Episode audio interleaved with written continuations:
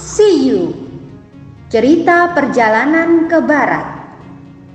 Ditulis oleh Wu Cheng En Diterbitkan oleh Buana Sastra. Selamat mendengarkan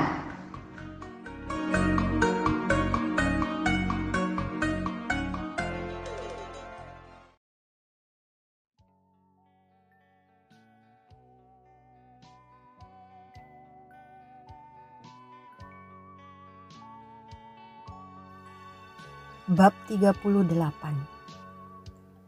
Tan Sanzang minta menumpang, tetapi ditolak. Sun Wukong menggertak dan berhasil menginap. Sun Wukong langsung menemui gurunya. Kemudian ia mengisahkan pertemuannya dengan Dewa Lauci yang meminta jimat. Jimat apa? Tanya Tan Senzang. Ternyata siluman tanduk perak dan tanduk emas adalah pelayan Dewa Lauci. Kata mereka dipinjam oleh Dewa Guan Yin untuk menguji ketabahan kita. Jelas Sun Wukong.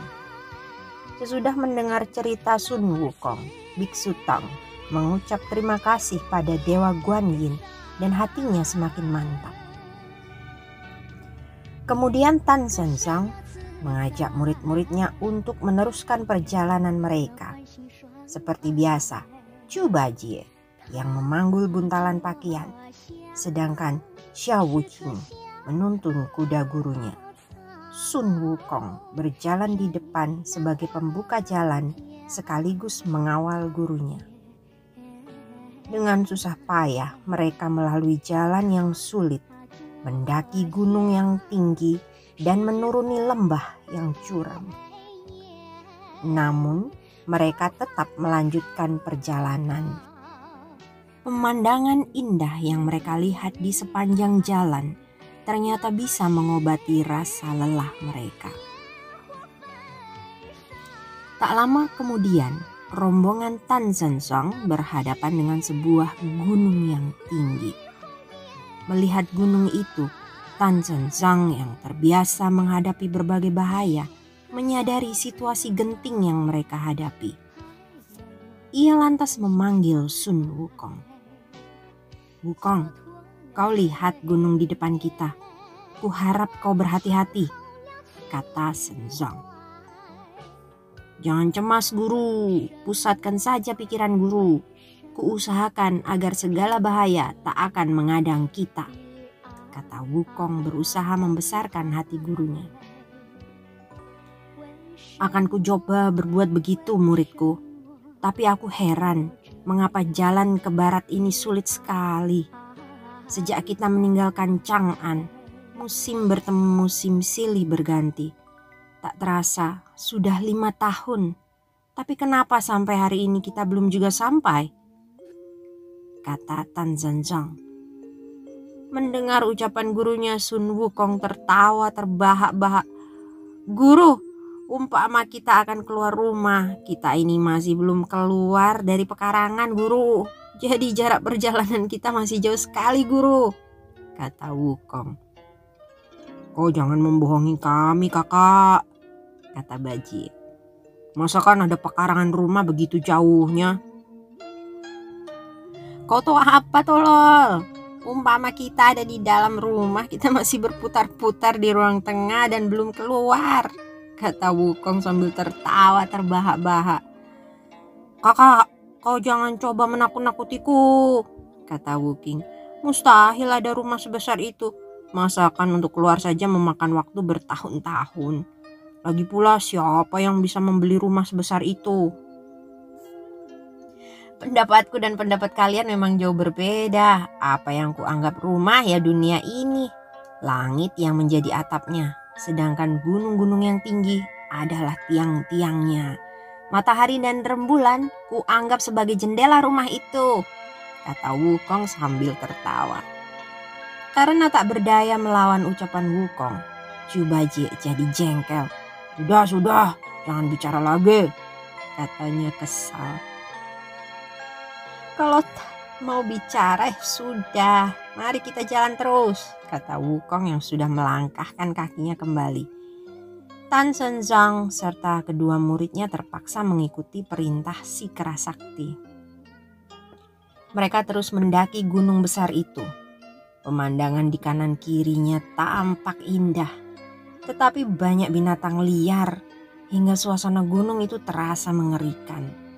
Ditambah pula mereka tak menemukan gubuk pemburu maupun rumah penduduk. Jelas mereka kesulitan mendapat tempat bermalam. Wukong, kurasa kita tak akan mendapat tempat menginap. Lalu sampai kapan kita bisa keluar dari sini? Kata Sanzang. Guru, sudahlah, jangan mengeluh terus. Mari kita lanjutkan perjalanan kita. Kata Wukong. Karena tak ada jalan lain, Tan Zanzang terpaksa menurut. Ia menjalankan kudanya. Setelah menempuh perjalanan jauh, rombongan Tan Zanzang tiba di sebuah lembah ketika hari mulai senja. Dari tempat yang agak tinggi, mereka melihat sebuah bangunan, entah rumah penduduk atau mungkin juga sebuah biara. Ah, sungguh beruntung muridku, Walau hari ini sudah senja, tapi kelihatannya di depan kita ada bangunan.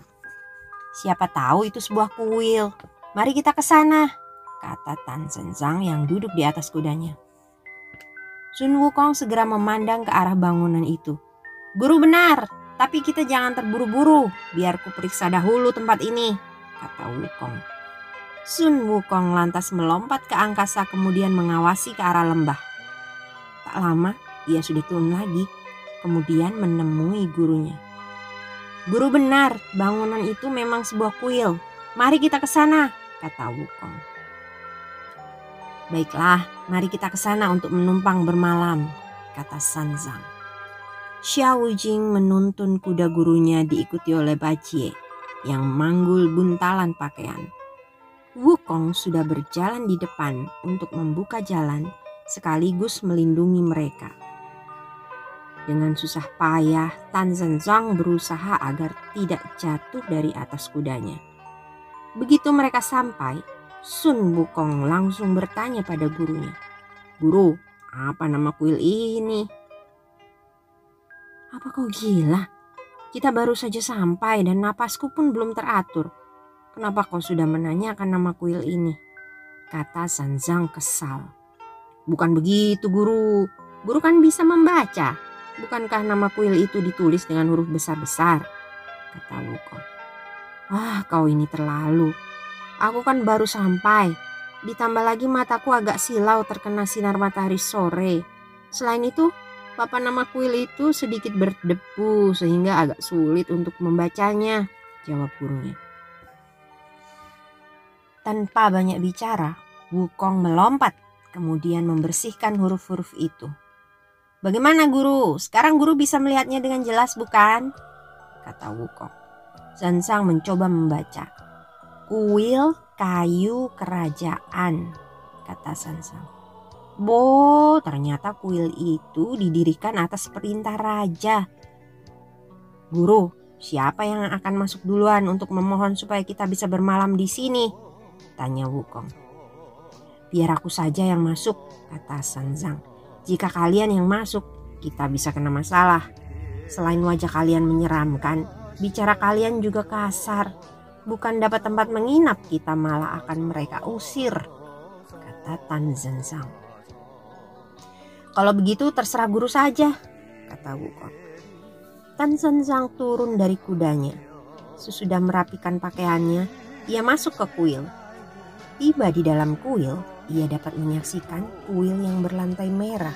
Di tempat itu terdapat dua buah patung Jian Gang Vajrapani yang berwajah seram dan besar. Ah, jika saja di timur ada patung semacam ini, pasti bagus, pikir Tan Zansang. Kemudian Tan Zhenzong masuk ke ruang kedua dan melihat ada patung empat raja langit yang terdiri dari Ciguo, Betarastra, Wen, Vaisravanya, Janzang, Virudaka, dan Guangmu Irupaksa. Dekat patung terdapat empat batang pohon besar yang mirip payung. Tak lama, Tan Zhenzang sampai di aula utama. Tan Zhenzang lalu merapatkan kedua belah tangannya, kemudian memberi hormat dan berjalan melewati Buddha. Di sini, ia melihat gambar Dewi Guan Yin di sekitarnya terdapat ikan dan udang serta beragam binatang laut lainnya. Oh, padahal Dewi Guan Yin sangat dihormati oleh seisi lautan. Tetapi kenapa manusia tidak juga mau bertobat dan berbuat baik? Pikir Tan Zhansang. Tiba-tiba muncul seorang biksu yang menyambut kedatangan Tan Zhansang. Ia keheranan menyaksikan keagungan Tan Zhenzang. Dari mana asal guru dan mau ke mana? Tanya biksu itu.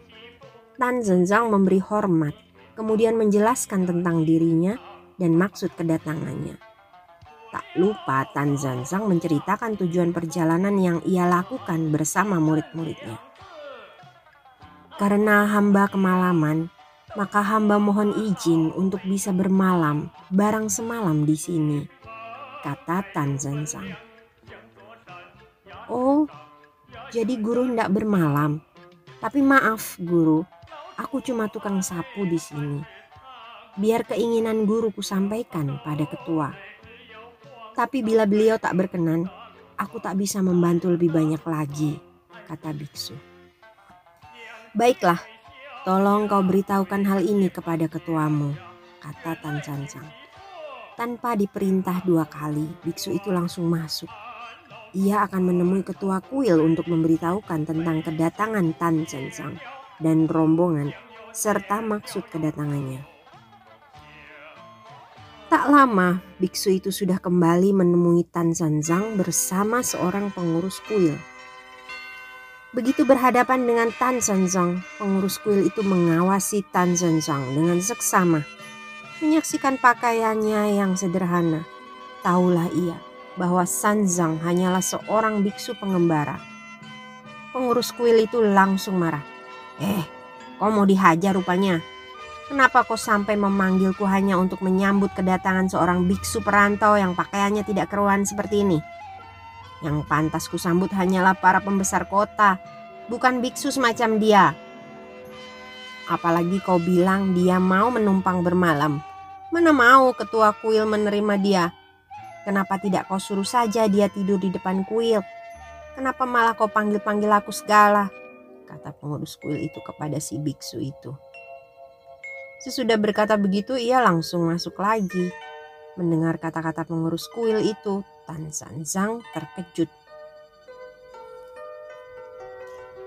Oh, beginilah nasib seorang pengembara. Padahal aku ini seorang biksu. Mengapa dia bersikap begitu seolah menuduh aku ini maling? Untung aku bukan Sun Wukong. Sun Wukong bisa menghajarnya. Tapi biarlah, sebaiknya aku bicara baik-baik padanya, kata Tan Sansang dalam hati. Kemudian ia menyusul ke kamar pengurus kuil saat itu si pengurus kuil sedang berganti pakaian sambil marah-marah. Tan Zhang tak berani mengetuk pintu kamarnya apalagi masuk. Di luar kamar pengurus kuil, Tan Zhang memberi hormat. Pengurus kuil, kata Tan Zhang. Namun pengurus kuil itu membentak dengan sikap kasar. Mau apa kau? Dari mana asalmu? katanya. Tan Zanzang segera menjelaskan tentang dirinya dan rombongannya serta maksud kedatangan mereka. Oh, jadi kau Tan Zanzang, kata biksu itu membalas hormat Tan Zanzang. Benar sekali pengurus kuil, kata Tan Zanzang. Kami tersesat dan kemalaman di sini. Hmm, kalau kau mau pergi ke barat, kenapa sampai tersesat?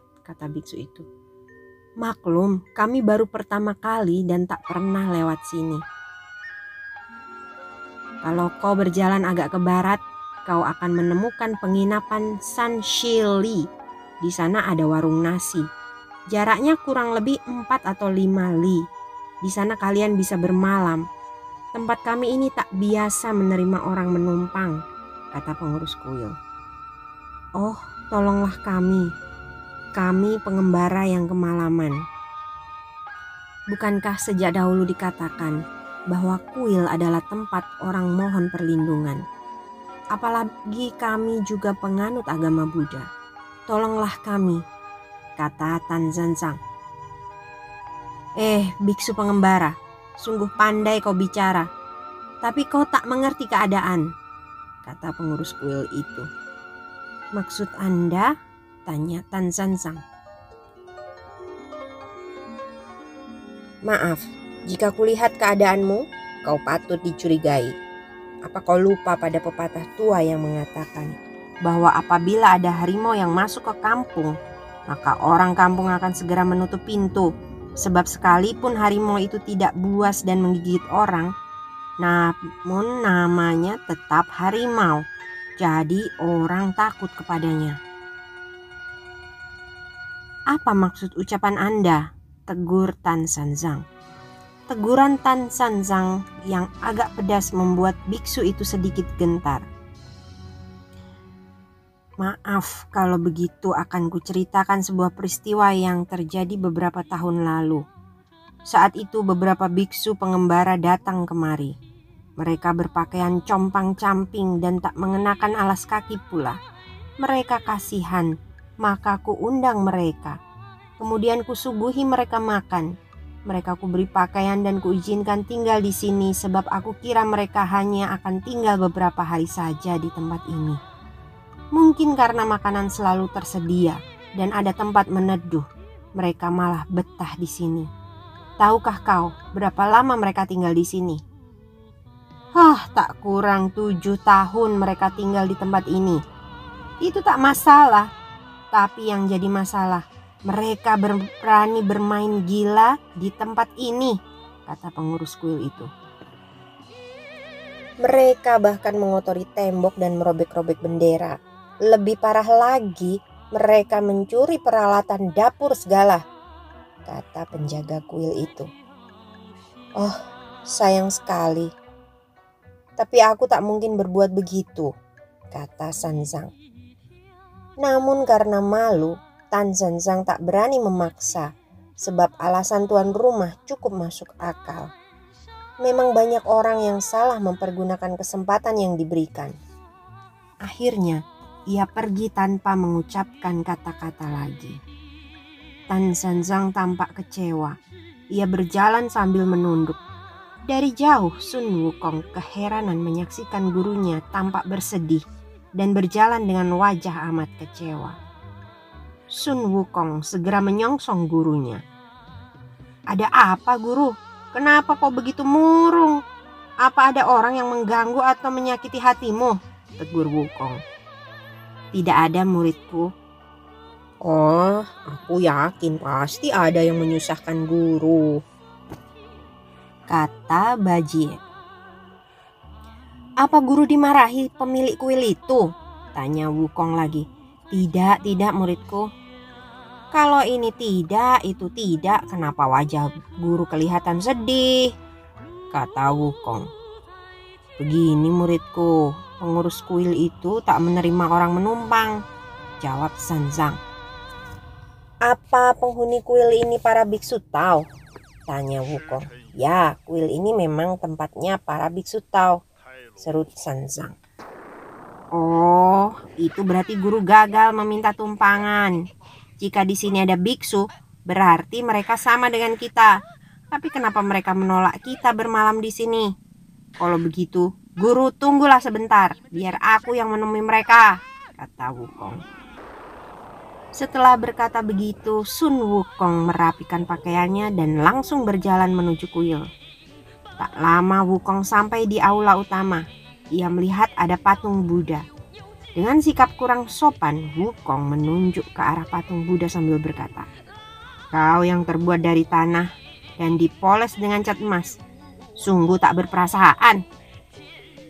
Aku Sun Wukong sedang mengawal biksu Tang yang akan pergi ke barat untuk menemuimu dan mengambil kitab suci. Karena kemalaman, aku datang untuk memohon agar bisa menginap barang semalam. Tetapi kenapa kami tidak diterima?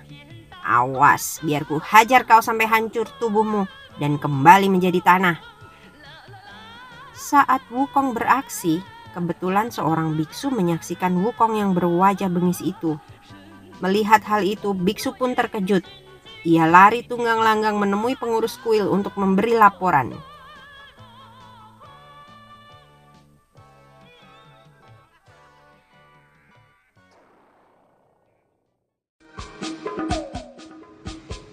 Dengarkan kisah selanjutnya. Terima kasih.